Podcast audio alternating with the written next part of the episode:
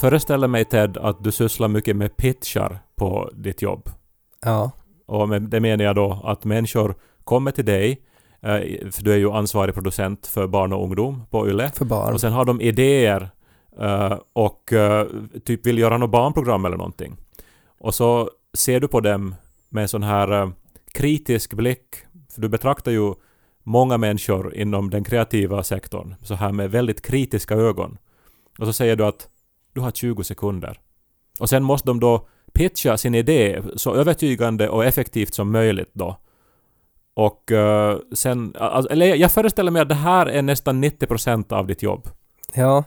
Men det var ju mycket som var fel där men, men alltså jag sitter med på sådana där pitchrundor där människor pitchar saker till. Så svaret är ja. Och när det handlar om barnprogram så är det jag som eh, är kanske mest ansvarig till de pitcharna. Är du så här då att dansa? Dansa! Nej, inte, inte Och så klappar du takten. Nej.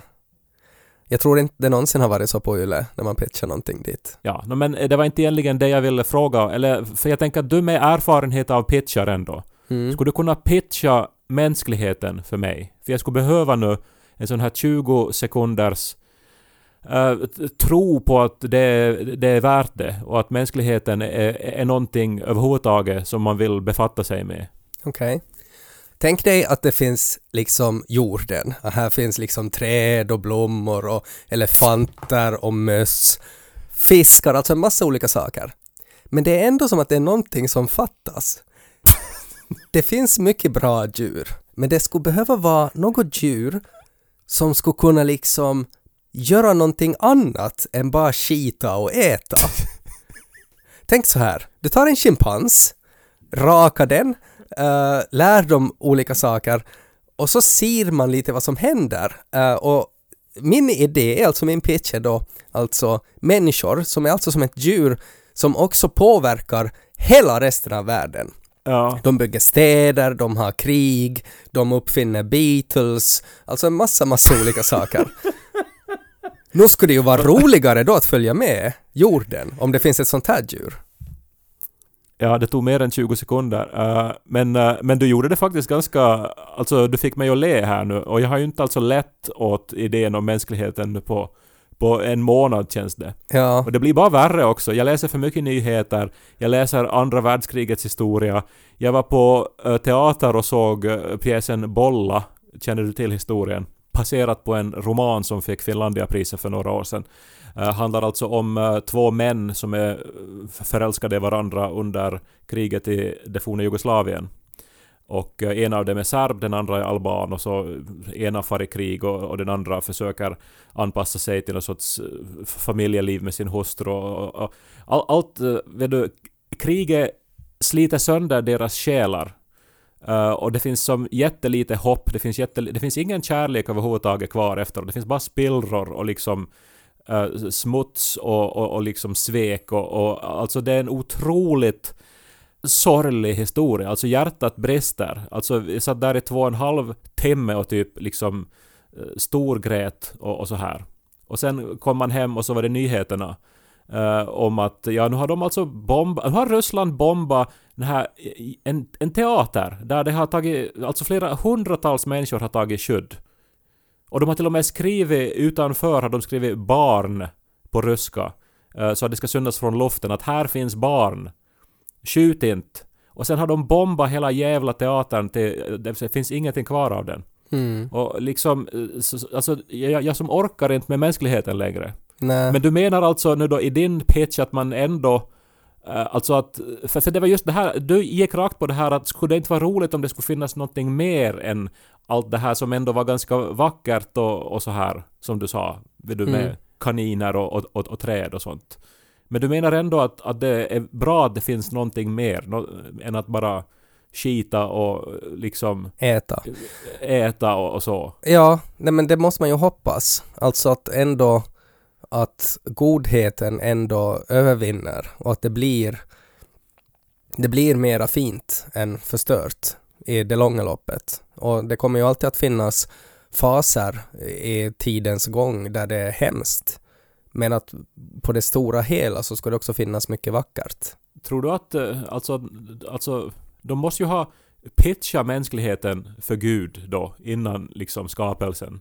Vem var det som pitch? Var det liksom änglar som pitchade då? Jag föreställer mig att det var någon sån här producent från Vasa som har liksom arbetat mycket där på Media City.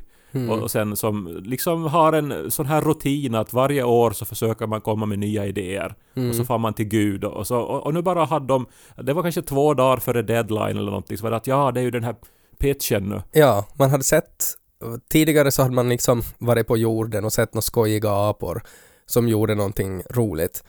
Och så tänkte man att kanske vi skulle kunna pitcha aporna. Men om vi skulle sätta ha kläder på dem eller någonting.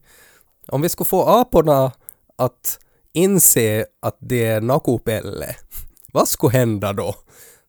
Och så pitchade de det till Gud. Men det gick igenom också. Ja, men kanske Gud också så att, att det fanns en potential i det. Att tänk om, visst kommer det att vara krig och sådana där hemskheter för att de är ju fortfarande bara apor. Men tänk sen i något skede så far de till andra planeter och, och, och, och just uppfinner Beatles och sånt där. Det där var ju otroligt manipulativt att du gick rakt på Beatles. Ja, Men det är ändå svårt, även om jag älskar kulturen och musiken och allting, att tänka att det liksom är värt det. Alltså att, att 200 låtar om kärlek ska liksom uh, uppväga då alltså allt krig och elände och alla, all, all sorg och all död och förintelse. ja det är det ju inte. Inte är det ju någonsin, inte kan man ju någonsin på något sätt försvara att det är värd liksom att nu, nu kommer det att vara lite krig men att det är nog värt det. Det kan man ju inte göra. Det är ju aldrig värt det. Men att om man på något sätt kan konstatera att, att människor är bara apor uh, och att i något skede så blir vissa apor med makt mer rädda för andra apor uh, och då, då tar de fel beslut. Uh, och att ju snabbare man kan göra någonting åt de aporna så desto bättre. och så kanske, eller för mig så finns det väl också någon sorts förhoppning om att också efter det här, att när det här är över så kanske är det ännu svårare innan det sker igen. Alltså att det ändå finns någonting som stannar kvar. Att vara såhär, ah, ja men minns ni då när Ryssland invaderade Ukraina? Minns ni hur det gick då? Kanske vi inte skulle göra det. Samma sak igen. Att i något skede, no, någon gång så måste vi lära oss. Det skulle väl ha varit bäst att jag direkt, jag skulle ha börjat pitchen med att spela, spela upp en Beatles-låt. Och så skulle jag ha stängt, avslutat den och sagt att vet ni vem som gjorde det här? Det var en apa som gjorde det här. Och då skulle jag bara, va? Va? På riktigt? Ja. Låt mig berätta om mänskligheten. Puuen purmu puut vuossar botling Som talar sitt så popna popcorn Så börjar vi Popnu denna popcorn Så börjar vi Lys på Ted och Kai Samtidigt har jag känt en förundran och en sån här barnslig tacksamhet nästan för min egen kropp. Mm. Eh, för att jag var på uppföljningsröntgen och uh, det visade sig att uh, det är ännu en lång väg att gå men att det, liksom benbildningen har liksom tagit fart och uh, det ser ut att bli återställt och bra. Och det här såret så har ju läkts ganska långt och han tog nu bort de här metallstygnen och det hålls ihop och det liksom huden börjar se mer och mer ut som hud ska göra. Den har varit så här blå och gul. Och eh, alltså, jag gör ju ingenting utan min kropp fixar sig själv, gör nya ben. Det är helt sjukt det. Alltså det känns ju som att man borde, måste ju, alltså det borde finnas ens någon knapp eller spak som man måste trycka på på kroppen eller dra i för att saker och ting ska hända. Jo, och det uh, väcker också frågor om vad jaget är. För att uh, det är ju inte jag som, som styr det här. Mm. Det är ju inte jag som gör det här, utan det här sker ju av sig själv. Men någonting gör ju det. Och det måste ju vara det som är största delen av jaget. Mm. Eftersom min kropp är ju... Alltså, eftersom det här gäller ju inte bara nyckelbenet, det här skulle ju hända överallt på min kropp. Mm. Processer skulle, skulle påbörjas och, och, och, liksom på eh, mikroskopisk nivå göra allting till rätta. Och det är de här processerna som styrs av sig själv, det är egentligen de som är själva jaget. Att den som liksom tänker och pratar är bara liksom en sån här 2% av resten av kroppen som är bara jättestörande för att den får styra vad som kommer ut. Ja, nu är det ju en idiot det där som pratar eh, jämfört med arbetsledaren som sköter det här miraklet som händer i min axel just nu. Eller bara miraklet som får liksom ens hjärta att dunka eh, och hållas igång. Ja, men det här skulle ju vara förstås pitchen för mänsklighetens säsong 1, att man skulle beskriva den fantastiska människokroppen och vad människan är liksom kapabel till att skapa konst och kultur och, och, och, och kärlek och, och eh, så skulle man säkert visa bilder från någon ballett, vet du, med musik och, och så här utsökta rörelser och Mm. känsloyttringar. Men sen, det är väl så när folk pitchar då för dig, eh, att då så görs det kanske då ett projekt, kanske ett barnprogram, och sen ska det väl utvärderas. Ja, alltså man ser ju det på statistiken lite och, och recensioner och sådär och uh, så där, där får man ju på ett sätt en utvärdering också men att sen kan man också ha en uppföljning, ett, ett möte och och framförallt så blir det ju kanske aktuellt att om man ska pitcha säsong två av någonting och då går man ju kanske lite igenom hur det har gått med säsong ett innan det blir aktuellt. No, men om du då som ansvarig producent då läser recensionerna på Mänsklighetens säsong ett, och så är det liksom bilder då på Hitler och på eh, liksom sönderbombade städer, Ja, nu skulle jag ju förstås... krig och konflikter. Ja, jag skulle nog kanske undra vad som, vad som hände. Alltså sådär att, att om det börjar med den här balettdansösen och det här fina, att varför slutade det med Hitler?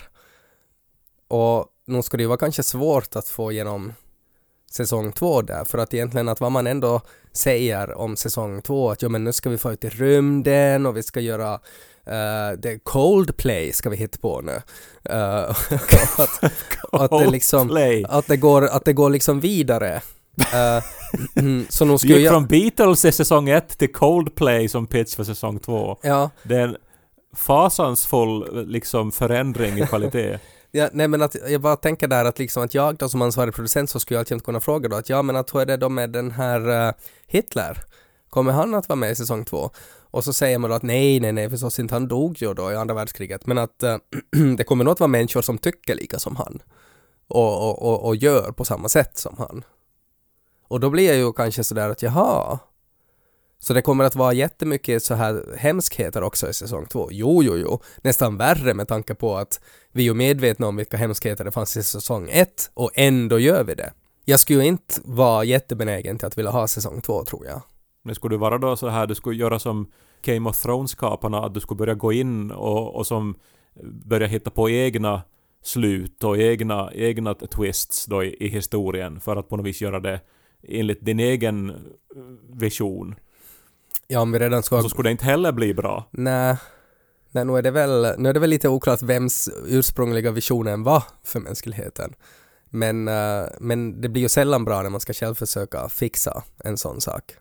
Det är svårt att fixa någon annans vision. Men det måste alltså vara en enorm förändring i mänsklighetens säsong 2. Alltså nu, nu, slu, nu, nu, om vi nu är i slutet på säsong 1, nu läste jag idag också att eh, det är 30 grader varmare än vad det ska vara på Antarktis just nu. Mm. Alltså östra Antarktis, där är medeltemperaturen eh, i januari typ minus 53 eller någonting. Mm. Och i år var det så här minus 17. Ja, det är ju inte så bra.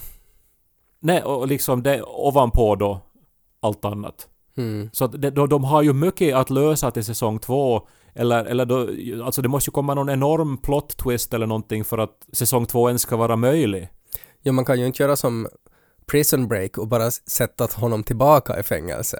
Man kan ju inte liksom göra säsong ett en gång till. En urgammal serie det här, men eh, jag har nog vaga minnen av att det handlar om att han skulle fly från fängelse ja. Och så gjorde han det i säsong ett. Och det var liksom hela säsongen. Och så, så, i säsong två så var han då ut ur fängelse och så blev det inte någonting så då satte de honom tillbaks i fängelse. För att serien heter ju Prison Break. Så att han måste ju nästan vara i fängelse. Men du var ju, tyckte ju att han var väldigt snygg, Wentworth Miller. Ja, alltså det var ju därför jag såg på den här serien. Alltså han hade bara en enda min, men eh, det gick ändå att se på honom eh, för, för alltid. Alltså, vilken vacker man. Och då ska, pitchen skulle väl avslutas bara med bilder av Wentworth Miller då. Att han är eh, ny, nya kärnan i säsong två. Jag, jag tror inte ens att det skulle väga upp för haveriet i den här säsong ett. Men om du nu då är, är den då ansvarige som har godkänt produktionen av Mänskligheten säsong 1. Och så började det komma nu då arga insändare då till Hufvudstadsbladet då Mm. på att hur kan de ha gjort det här? Hur- Alltså det är ju alldeles fasansfullt att hu- vem har godkänt det här? Mm. Vad skulle du svara då? Uh, jag skulle säkert svara att, det, att, att eh, serien följde våra strategier för tillfället. Att eh, vi, vi har gjort kundundersökningar och, och det fanns nog ett underlag. Och sen uh, avslutar någonting med att, att, att alla tycker olika, att det är ändå väldigt många som tycker om den här serien. Och sen kanske ge tips på andra. Alltså om man inte tycker om mänskligheten så finns det ju då annat. Fåglarna kan man titta på eller ekorrarna. Kai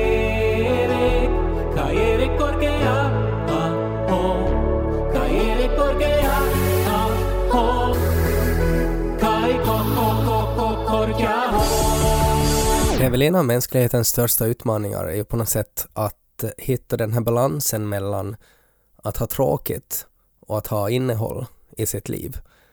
För jag tror ju att de flesta människor på något sätt strävar till eh, att skapa ett innehåll helt enkelt. Eh, för man vill ju inte ha tråkigt.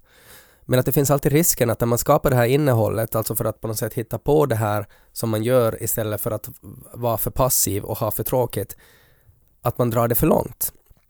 Att det leder till att man kanske startar ett krig för man tänker att men, någonting måste man ju göra. Och så invaderar man ett annat land. Mm. Det här var en ganska förenklad bild förstås av internationella konflikter här nu. Ja, men sist och slutligen så tror jag att det handlar ganska långt om det här. Alltså att, för det, det handlar ju ändå bara om olika människors olika hjärnor och, och, och vad, vad, man, vad man gör med dem eh, och hur, hur de här hjärnorna hanterar miljöerna som de befinner sig i. Och om Det vissa... handlar ju om... äh, Egentligen handlar det om balans. Alltså det handlar om uh, hämnd och det handlar om äh, idéer om, om rättvisa som är olika för att alla har en egen bild av vad som är rättvist. Mm. Och så försöker alla uppnå det som de upplever som, som rättvisa. Men så, Håller du inte med om att om folk skulle vara lite mer okej med att ha tråkigt, så då skulle det vara mindre krig också i världen tror jag. Alltså sådär att, att om det skulle vara, alltså för jag, jag läste en artikel om där de hade undersökt människors hobbyn för att försöka hitta att vad är liksom, hur ser den tråkigaste människan ut? men det låter som att du säger att om Putin skulle vara på TikTok så skulle han inte ha invaderat Ukraina. Nej men för många gånger så kan, jag menar det är ju det här butterfly effekt, att det kan ju vara de här små sakerna som påverkar, som har jättestora följder. Och jag tror att mycket handlar om att om man skulle vara mer okej med att vara passiv så är det så mycket som skulle inte hända. Men att det som de här forskarna då konstaterar att, att vara eh, den mest tråkiga personen Alltså de har hittat en, en, en specifik människa som Nej, de, har, menar de har kollat liksom på vad man jobbar som och vad man har som hobby och var man skulle bo. Och den mest tråkiga personen skulle vara då en eh, religiös datainmatare som bor i en ganska liten stad och som tycker om att se på TV. Vad är en datainmatare? Alltså att Nå, man det- sitter och alltså- fyller i, alltså någon sorts arkivarie som digitaliserar Men det finns ju väldigt många former av datainmatning, men alltså att du jobbar någonstans i något företag där du ska sätta in siffror i en tabell eh, och det är så pass avancerat så att det går inte att totalt automatisera det, utan att det är någonting som måste kollas upp ibland. Alltså ett så här jättetråkigt jobb helt enkelt. För jag, jag tog ju liksom redan lite illa upp för datainmatare är ju på något sätt författaryrket också. Att sitta och, och liksom mata in information i ett dokument. Där är väl den här stora skillnaden att du får själv hitta på den här informationen. I ett klassiskt datainmatningsjobb så hittar du inte på infon som matas in. Men jag, alltså okej, jag ska låta dig öppna upp det här för jag förstår inte heller varför det här skulle vara som, som världens mest tråkiga människa. Jag menar någon som håller på med De har, men förstår du, alltså de har först kollat på olika jobb och folk har fått rangordna till tråkighet och datainmatning tyckte alla var det tråkigaste. Eh, sen har de fått rangordna hobbyn. De hobbyn som de flesta människor tycker är tråkiga är eh, religion, titta på TV, titta på fåglar och rökning. Men, men, men det, inget av det där, eller okej, att titta på fåglar kan vara en hobby, men inte ju religion och rökning hobbyer. Visst, Det- det- för är ju- många. För tråkiga människor är det. Om, om någon människa säger, alltså att om du träffar en ny person och så frågar du att vad är dina intressen? Så säger man, jag tycker om religion och att röka. Men, ja, jag skulle inte swipa eh, Nej. till det där bra hållet på den människan på Tinder. Men alltså, nu är det ju ändå eh, intressantare om man är religiöst övertygad än om man är så här att ah, inte tror jag på något, eller inte har jag någon skillnad. Alltså nu är ju det tråkigare att inte ha, ha tagit ställning eller att inte äh, ha som få funderat och, och, och valt sida. Nej men då, då, den människan kanske har någon annan hobby då som är starkare. Man kanske åker skateboard riktigt snabbt. Och då är ju det kanske mer intressant. Alltså att om man på riktigt upplever att men min största hobby det är att få till kyrkan på söndag. Och att vara lite sådär religiös. Att det är ju ganska tråkigt det. Eller att man upplever att rökning är en hobby. Alltså för att, för din reaktion var ju att det är inte en hobby och jag håller med, jag tycker inte heller att det är en hobby. Men för en person som upplever att rökning är en hobby, så den människan är ju nog jätte, jättetråkig.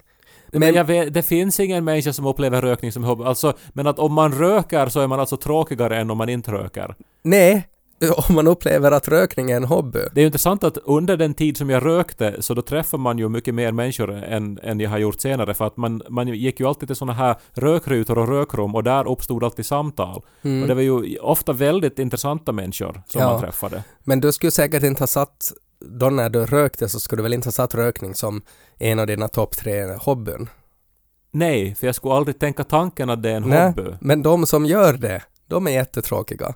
Men min poäng var att sådana där människor startar inte krig. Alltså att om, om Alltså religiösa människor eh, som matar in data. det, som matar in data och röker och tittar på fåglar, de startar inte krig. De är för tråkiga för det. De är för passiva. Och att det är på något sätt det där som jag tycker är det här mänskliga i det, alltså att, att hitta den här balansen, alltså att om vi på ena sidan har den här kedjerökande religiösa fågelskådaren som inte gör någonting och sen på andra sidan då har vi någon som startar krig. Så mänskligheten finns ju där mitt emellan. Men tråkig enligt vem? Alltså det är ju det också att om, om, om människan det är ju en sak att upplevas som tråkig och att uppleva att man har tråkigt. Ofta är det ju om man har ett intresse för någonting så har man ju inte tråkigt. Då, då finner man ju en, en sorts inre eh, ro och glädje i att titta på fåglar. Här är de här topp Fast det är långsamt. top fem tråkigaste jobben. Nummer ett. Men, Data analysis. Två, bokföring. Tre, bokföring! tre, någonting med skatter. Fyra, städning. Fem, bankjobb. Det, och- det upplever, alltså, och det här är då säkert inte människor som har de jobben, utan andra människor. Topp fem mest spännande jobben. E- ett, eh, performing arts. Eh, Okej. t- Två, vetenskap. Tre, journalism. Fyra, eh, en, en health professional.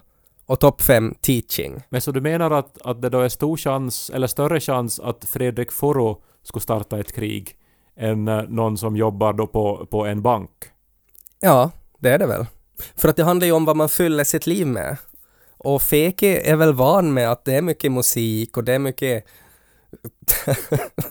ja, men att han är van att uppträda, han är van att få uppmärksamhet och sådär. Och sen om man inte får det så då kanske man, man går längre och längre och längre för att få den här uppmärksamheten. Jag tycker att det är intressant det här med vad som uppfattas som tråkigt och inte tråkigt, men jag tycker att din analys och hur du försöker få det här till, till någon sorts förklaring till, till, till stora skeenden och konflikter i världen håller inte riktigt måttet. Jag blir kanske lite provocerad av det här, alltså att människor har så svårt med att ibland ha tråkigt. Man gör vad som helst för att inte måste sitta där hemma och ha tråkigt. Jag, jag är ju jättebra på att ha tråkigt. Jag har haft så mycket tråkigt i mitt liv. Alltså både att jag har haft... Alltså jag, jag är ju en sån som köar och sånt. Du har ju både rökt och varit religiös. Och jag har gått en kurs i bokföring också.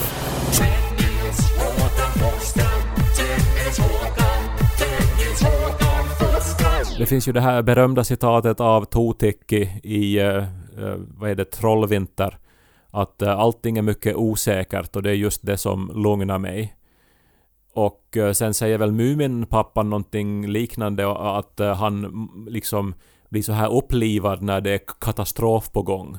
Att han går egentligen och väntar på att det ska bli storm och översvämning i Mumindalen för att då liksom lever han upp. Mm. Man märker att det är liksom eh, kristider när såna här krönikörer eh, börjar citera eh, Eh, så här stora filosofer och romerska tänkare och så här.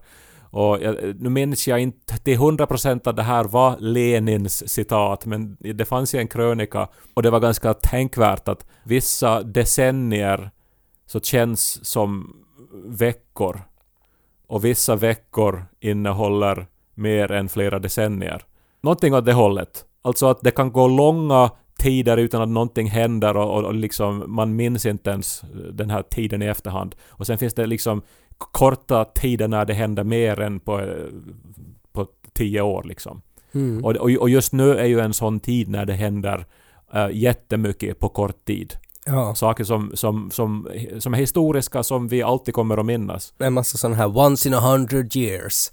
Och så händer det flera på en gång efter varandra. I längden så skulle vi väl må bra av att det skulle vara tråkigt. Att det, inte, att det, att det skulle vara så att tiden morrar och på och så har vi sådana här personliga projekt som ger oss personlig mening.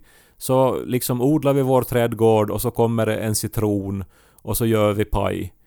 Uh, och, och mer action och händelser än så behöver vi inte. Jag tror det är det en kinesisk förbannelse, alltså att må du leva i, i spännande tider. May you live in interesting times. Alltså en förbannelse. Ja, att, att man, man ska egentligen inte vilja leva i spännande tider. Alltså att det, det är så här, det har väl använts både som att man kan ta det som någonting positivt men att det är egentligen en förbannelse också. Ja, intressant tänkt och passar ju bra ihop med det här. Och det, det är ju... Men, men man kan ju svänga på det också att må du, må du ha jättetråkigt är ju en bra sak om alternativet är krig. Men det är ju inte en bra sak om alternativet är liksom att äta citronpaj. Jag har ju letat efter något sorts, eh, eftersom jag inte längre tror på Gud på det sätt som jag gjorde när jag var uh, ung. Uh, så då när man vill liksom önska någon lycka till och, och, och välgång så saknar man ord för det när man inte kan som säga typ Gud välsigne dig eller jag ska be för dig eller någonting sånt. Mm. Eh, så jag har liksom letat efter språkliga motsvarigheter som man, som, som man kan säga. Men det, det, det blir ju så här inflation på dem i längden också och sen så har väldigt få av dem samma innebörd som det här eh, jag ska be för dig. Men, kanske man skulle kunna ta i bruk det här nu då att, att må du ha jättetråkigt. Ja, Det öppnar ju sig inte riktigt direkt. Jag tror att människor skulle som uh, bli, bli sårade till först innan Ja. man då börjar förklara det. Och då, om man måste förklara det varje gång så då mister det också sin omedelbara sån här avslutning på samtalet status. Spock ur Star Trek, så han sa ju alltid uh, “live long and prosper”. Alltså att, att, att leva länge och må väl. Men att om man ska ändra det till att leva länge och ha tråkigt istället. Jag köper det där. Jag satt och tänkte också att eh, nu vet vi ju inte hur länge den här, eller hur den här kriget utvecklar sig här och vad som händer förstås. Men eh, eftersom det kom strax efter coronapandemin som ju också fortsättningsvis eh, är aktiv och kan ju ta vilka vändningar som helst ännu.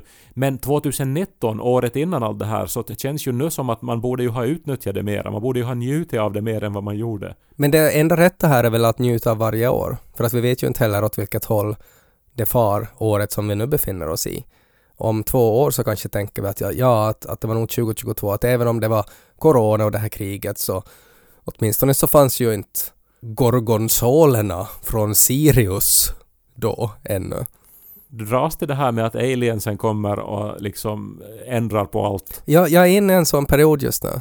Jag på något sätt bara, jag, jag, jag väntar mig att det, det är liksom aliens eller Bigfoot. Nå, Bigfoot kommer ju inte att ändra på någonting om de hittar honom. Nej, jag eller tror, henne. Jag tror det skulle vara faktiskt alltså några nyheter någon dag men sen så tror jag inte att det skulle ändra så mycket.